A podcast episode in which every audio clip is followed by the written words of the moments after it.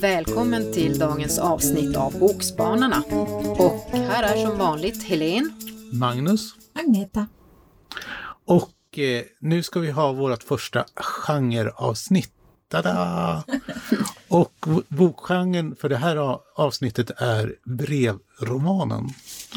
Och vad är en brevroman? Jo, det är en roman som berättelsen utspelar sig i form av brev som en eller flera personer skickar till varann.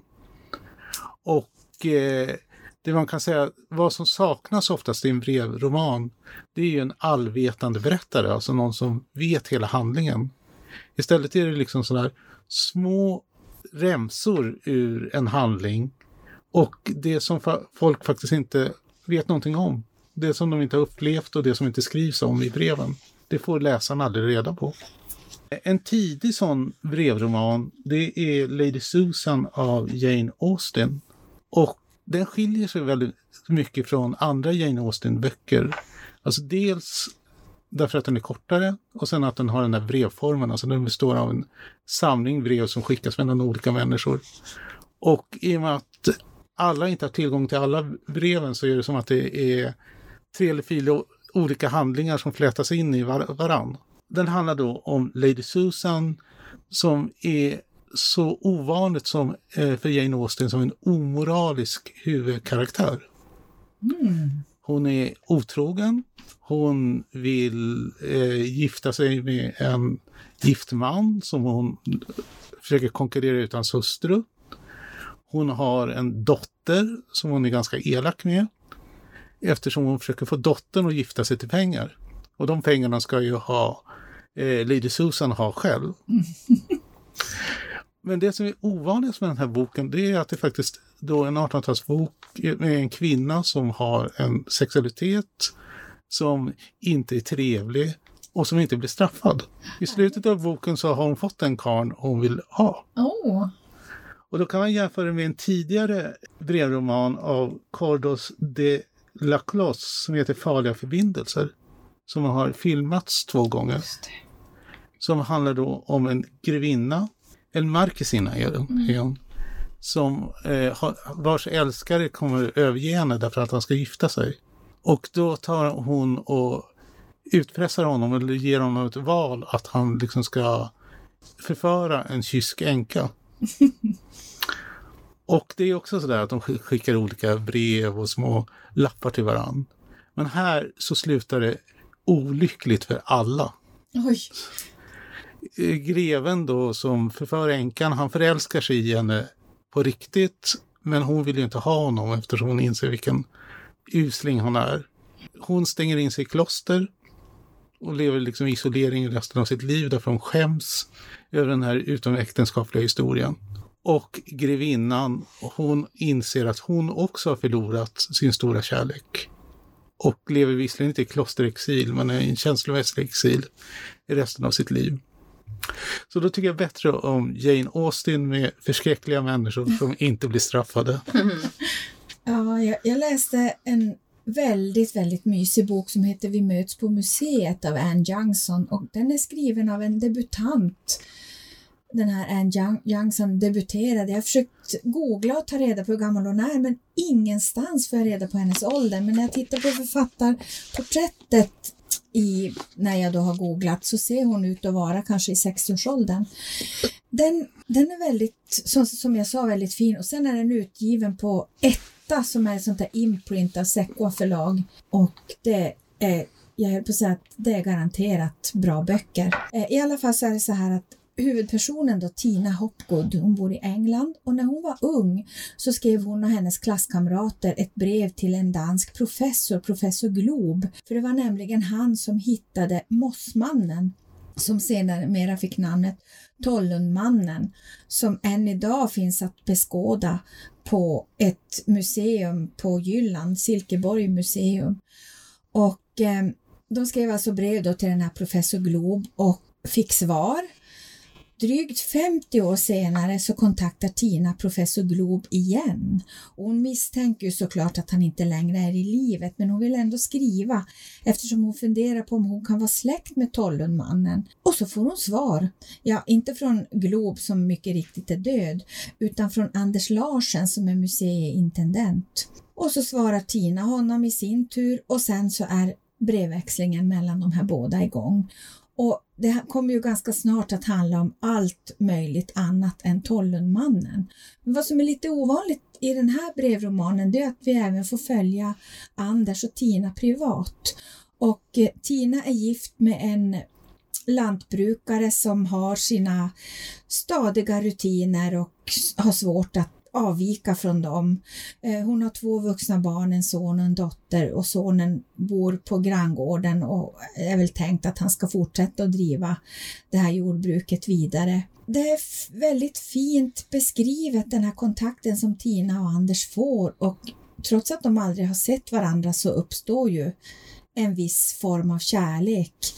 Anders har varit ganska olyckligt gift med en kvinna som hade ganska svåra psykiska problem så varenda dag var han orolig om hon överhuvudtaget skulle leva när, hon kom hem, när han kom hem från jobbet. Och, så jag brukar säga att jag gillar feel good men det ska helst vara lite svarta och smärta för den delen också för att det ska vara riktigt bra för min del. Så att någon riktig, riktig feel good är det inte men det är en väldigt, väldigt fin och bra bok om just de här två års brevväxling och så, så småningom så börjar de ju också att mejla till varandra för den, är ju, den utspelar sig i modern tid.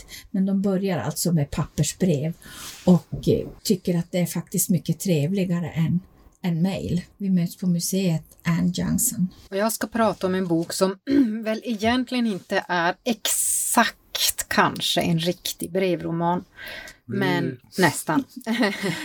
eh, brev är väldigt viktigt i den här boken och mm, det är skrivna brev. Det är eh, Emily Gunnis Flickan i brevet.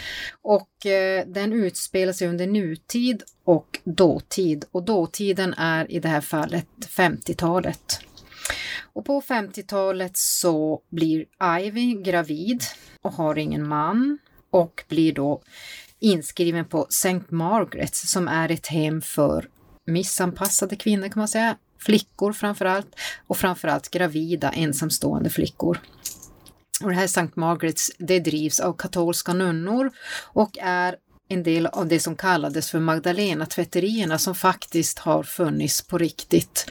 Och jag tror att de avvecklades så sent som 70-talet och på de här Magdalena-hemmen så fick unga flickor föda sina barn som togs ifrån dem och adopterades bort.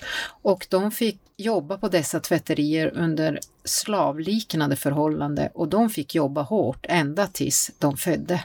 Det blev inga mjuka sängar och ta igen sig den sista månaden heller.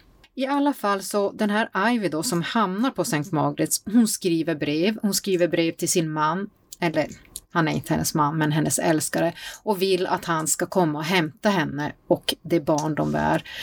Hon skriver många brev till honom och hon försöker också skriva hem till sin mamma, men hon får ju naturligtvis inte svar från någon av dem och varför kommer att uppdagas sen. Oj. Och i nutid så är det så att de här breven hamnar i Samantas eh, händer och Samantha hon är en ung journalist, ensamstående mamma med ett barn och hon är ute efter det stora skopet så hon äntligen ska få bli erkänd som journalist. För hon skriver men det är andra då som står som eh, ja, hur det nu är när man är journalist, alltså hon får inte stå som att det är hon som har skrivit den här mm. artikeln utan mer som att hon har gjort efterforskningarna. Och de här två historierna vävs ihop på ett väldigt speciellt sätt. För hon fick tag i breven hemma hos sin morfar som var antikhandlare och mormor säger att jo, de hade han hittat i någon, i någon gammal möbel och eh, hon blev alldeles förskräckt när hon började läsa de här breven och börja forska i vad som har hänt på det här Sankt Margaret's. Det är bara det att Sankt Margrets ska alldeles strax rivas så det brinner i knutarna om hon ska få reda på vad som egentligen utspelade sig där.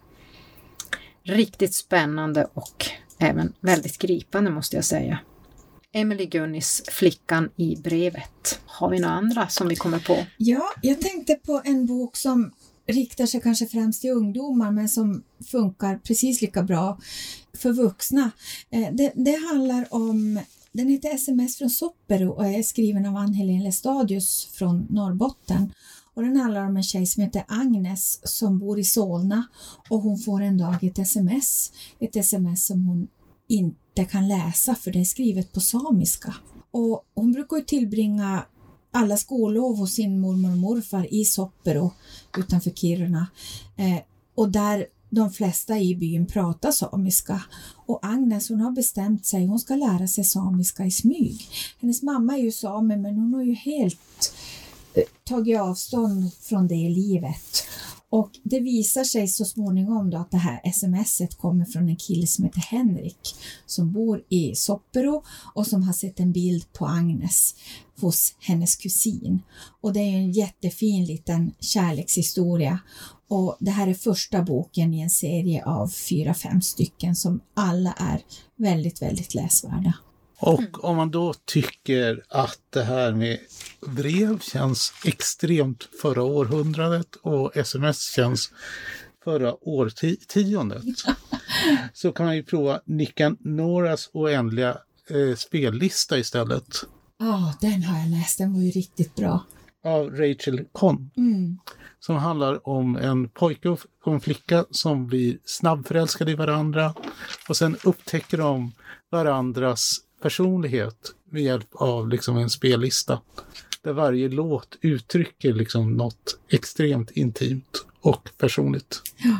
Har du något mer att säga om ja, det? Nej, inte om, om Nick och Nora, men jag kom på en annan jättebra ungdomsbok som, nu, ska ni, nu måste jag ju tänka här, man läser ju ganska mycket böcker när man jobbar mm. på bibliotek, eller i alla fall vi tre som är riktiga boknördar.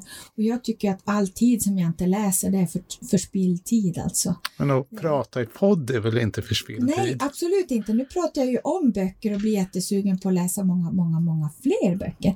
Men den här boken som jag tänker på, den heter Sånger från hjärtat och är skriven av Casey West. Och den handlar om en tjej som heter Lilly och hon vill skriva den mest perfekta låttiteln någon, låttext någonsin. Men hon har svårt att få till det, hon har svårt att få till tiden. Eh, hon hatar ämnet kemi, men så där sitter hon ofta och försjunker i sin anteckningsbok och skriver textrader och han samlar på på ord, påbud till exempel. Men under en jättetråkig kemilektion så skriver hon en textrad på, på, sin, på bänken och nästa gång hon sitter på samma plats så har någon svarat. Och sen så ytterligare en gång till så ser hon en pil, eh, följer pilen och hittar en lapp som är inkilad under bänken och så börjar det en lappbrevväxling med någon mm. som hon inte vet vem det är. Hon anar hon tror sig ana vem det kan vara men det är det ju inte alls. Men, så den är också en riktigt mysig kärleksroman. Härligt. Mm. Nej, nu blir jag sugen på att fara hem och skriva lite brev. Jag längtar verkligen. Tänk förr i världen man fick ett riktigt brev som man mm. sprättade upp och vek upp och läste. Ja, det var en känsla. Det var en känsla. Jag saknar det lite grann. Mm. Eh, I det här avsnittet har vi pratat om följande böcker. Nu kom jag av mig, men det får man göra ibland. Framförallt när det är brev eftersom man måste hinna öppna dem. Ja.